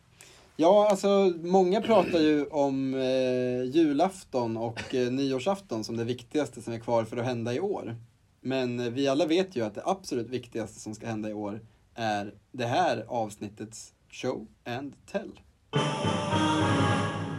Ah, Ja, köttigt avsnitt, det brukar det vara, men kanske det eh, lite mer än vanligt, eller? Nej, Ja, jo, det blir typ 10 minuter längre. okej. Ja, ja, hur som helst. Då så, vad, har vi, vad har vi grävt fram i våra binders och våra bulklådor den här gången? Ja, men eh, jag kan börja. Eh, min brorsa fyllde år. Han fyllde år den 12 december. Brorsan känd från det här avsnittet, för du redan nämnt han en gång. Minst. Och även från tidigare poddavsnitt. Han var Ja. ju med och spelade in eh, Modern Horizons avsnitt. Nej, Pre-modern, avsnittet förstås. Jag blev förvirrad. Jag bara, vad säger jag nu här? Nej, han Men det vet var inte, för han att kan inte vi, pratade, till. vi pratade om Modern Horizons 2 i det för, äh, avsnittet. Det gjorde vi faktiskt. Det gjorde vi Och han sa, det här nya röda ett-droppet verkar rätt bra. Mm, Äh, nya Jackalpappen. Och han hade rätt. det hade han. Eh, men eh, det var inte det jag skulle prata om nu. Inte att han är en, en, en klok man som fortfarande kan se vilka kort som är brutna. Utan eh, nu skulle jag faktiskt prata om att när vi firade hans födelsedag då, i måndags förra veckan så eh, lät jag honom välja ut lite boosters från sin eh, gamla boostersamling som jag då köpte loss. Jaha, okej. ja. Eh, det låter som en sen- halvdan-present. Nej, nej, han fick liksom rippa sina egna boosters så jag betalade för det. Ah, man right, right. I Nice. form av, här är min show and tell, Winston Draft. Ja, Vi har nämnt det här förut, jag vet jag. Jag tror kanske i draftavsnittet till och med att vi pratat om olika draftformat och sånt. Men vi har aldrig kommit in på det på detalj. Och det kommer jag inte göra nu heller. Eh, utan det jag ville bara säga att det finns ett fantastiskt sätt att drafta om man ska drafta en, två, tre eller fyra personer. Som funkar mycket bättre än om du bara skulle sätta dig och spela en sån här vanlig zondraft. mm. Och det kallas för Winston Draft. Japp. Så vad en Winston Draft är, är att båda spelarna eh, tittar liksom på en hög i taget och man bygger på, jag tänker inte som sagt förklara detaljerna, men det är ett format för att blanda ihop korten från sex boosters utan att kolla på dem, drafta dem och bygga varsin lek. Det funkar förvånansvärt bra. Eh, det är, vi har spelat det jättemånga gånger jag och brorsan. Det är ganska viktigt att spelarna är på en liknande liksom, kunskapsnivå i spelet så. Eh, men utöver det, alltså det håller fan. Det är roligt fortfarande. Och den här Winston Draften som vi körde blev episk. Han vann nog med 3-0, så det var väl inte det episka med den. Men vi fick så jäkla många coola, konstiga grejer. Jag fick bland annat i min rödsvarta lek tre gubbar som pingar. Mm. Så jag hade dels eh, Kumbai Witches från våran eh, Chronicles Booster. Japp. Jag hade dels Rakdos X-Bitter från Mm, Dissension Boostern. Japp. Och sen hade vi en till från, eh, vad heter det? Vi hade en, eh, en Shade från, eh, Shades on pingar. nej vad heter den? Åh, vad heter den? Eh, det är som ett spöke. Kostar två svarta och två. Ge för fyra. För fy, alltså den kostar fyra. Okej. Och den pingar, eh, du betalar X och tappar den. Jag tror den kostar, den heter fan bara Shade. Oj. Ja, just det, den ja. Ja, ja, ja, jag ser den framför mig. Japp. Den skjuter target creature player för X, och de, eh, X delat på två och dig för X delat på två. Ja, ja, det stämmer. Heter den typ Banshee kanske? Banshee heter den ja. Ja. just det, just det. Något sånt. Ja, skitcoolt i alla fall. Så det, det, Var det bra eller? Min, ja, de var väl de bra korten i min lek om vi säger. Kumbash Witches är ju en pauper-staple. Ja, men jag hade, jag hade en del kort. Ja, han lyckades hate-picka rätt mycket bra röda kort tyvärr. Ja, med Eh. Pro Black. Nej, nej, nej, alltså han, det var bara... ja, han tog dina kort. Du var Han tog röda kort som var väldigt det bra. okej. Ja, ja, Jag ja. missade typ den här eh, 2-2 för 2 med First Strike och Boast från Kaldheim som gör en drake varje gång den slår. Den är ju väldigt bra. Eh. Så han kunde typ splasha den istället. Mm. Eh, han byggde någon slags fyrfärgad good stuff med Cal- Cultivate och massa andra bra mana fix och Mm. bara ägde skiten ur mig. Ja, jag tyckte, jag tyckte jag såg, eh, för ni skickade en bild till mig. Fick han inte typ Gabriel Angelfire? Det var en rolig grej från vår, också återigen det här sjuka, sjuka eh, Chronicles boostern innehöll ju Ja. två stycken grönvita leg- legender. Just det. Som båda är bra. Ish. Gabriel Angelfire är bra i det här svaga, svaga formatet. Ja, precis. Det är ändå en stor flyer. Den 4-4 för 7, som Ja. inte bara är en flyer. den utan den väljer upsides. varje gång den ska slåss vilken av de här olika grejerna Ja, har. ja. Så den kan ha bland annat eh, Trample, Rampage och Flying. Just det. Wow, väldigt nice. En, en manlig ängel. Snabb eh, referens också. till eh, vårt förra avsnitt om vitt. Ja, det är sant. Det är sant. En av de få manliga Ja. änglarna, ja. Ja. Mycket riktigt. Den och, ja det finns några fler. Tariel finns det en som heter också, han som tar upp gubbar ur graven. Ja, någon bild på Archangel är också en man tror jag. Mm. Den har jag tyckt några gånger. Nej men, eh, ja, eh, det var riktigt kul. Vi fick också full Ursa Tron i den boostern. En av varje Tronland. Sjukt random. De är common då antar jag. Ja, säkert. det Men det är ändå väldigt random. Det är väldigt random. Men Chronicles är ett wonky i alla sätt. Googla det om ni inte har hört talas om det. Det är, det är knas. Man undrar verkligen vad fan de höll på med där. Men det är så pass länge sedan så det behöver man inte fundera på. Nej. Det var i alla fall eh, coolt. Så, ja, eh, all in all, spela Winston Draft om ni... Ja. Det är en annan sjuk sak. Sista sjuk sak med den här Okej, Winston okej. Draften Okej. var att vi totalt sett öppnade kort som var värda mer än boostrarna vi rippade. Oj. Med gamla kaosboosters. Det är inte ofta. Vi öppnade, vi, priset för hela högen var 500 spänn. Ja, Vi öppnade en, bland annat en breeding pool. Vi öppnade en Eidolon of the Great Revel. Den är dyr nu. Kostade 180 spänn. Jävlar. Och vi öppnade en, eh, ett random kort från M20. Man tror Okej. inte man ska kunna öppna något i M20 som är värt pengar. Men Nej. vi öppnade den här eh, som tredubblar all... eh, Ja, Fiery Emancipation. Exakt, den var också dyr. 130 spänn för EDH. antar EDH man. Staple, ja. Ja. Wow. Ja men nice. Låter som en riktigt nice kväll. ja, det var värdigt för en födelsedag. Verkligen. Ja. Verkligen. Ja, ja, nej men gött då. Jag kan väl också ta en liten show and tell då. Jag, eh, jag köpte nyss bara för att jag såg att någon sålde den för bra pris. En foilad aggravated assault från Onslaught. En gammal EDH-staple. Eh, Du vet. Eh, Och jag gillar ju gamla foils va? Ja, visst. Eh, Du vet vad den gör eller? Man kan betala för att få en extra combat. Precis, så det är tre mana för en enchantment, den är röd då förstås, som alla sådana kort. Och sen fem mana. En F så får du en extra combat och tappar upp allting. Eh, och vad vill jag säga om den? Ja? Jo, jag bara började fundera på det, den typen av kort. Alltså den kort som gör extra combat. Ja, Eh, det är ju kort som har funnits länge. Sen Ja. Rel- Relentless Assault från Portal tror jag, från början. Faktiskt. Den har det tryckt är fem mana sorcery. Fyra det. mana, fyra mana. Är det som gör bara det. Och sen finns det ju massa andra. Sen dess har det kommit jätteofta får man ju ändå säga. Ja, Varianter. det är det, har blivit, klassisk det har blivit en del av Röds, precis. Rött, Röds, eh, eh, vad heter det, Color Pie. Vilka kommer du att tänka på i den här genren? Men eh, en som spelade, eller kom typ när jag började spela mycket, mycket, det var ju den här Hellkiten. Vad heter den ens? Charger. Just det, Hellcat Charger. Hellkite Charger. Mm, det var länge sedan. Eh, så när den slåss kan du betala sju så får du en extra combat. Och det blir ju bättre då för ett litet krav då när du har det är att du ska ha bra gubbar i spel för att det här ska vara en bra effekt. Ja, Så då får du den bra gubben och sen det uppe på då. verkligen. Eh, så den har ju sett mycket spel. Ja. En Eh, annan som har sett mycket spel för lite nyare spelare är ju Combat Celebrant från Amonkhet. Väldigt, det? Det är där 4 för 3. Som, när den- Exerter sig ja, till en till ja, combat. ja. Ja, det är väldigt bra. Den spelades ju flitigt med Goldfarrows Gift så kunde man få typ in, nästan inf combat eller flera combats i alla fall.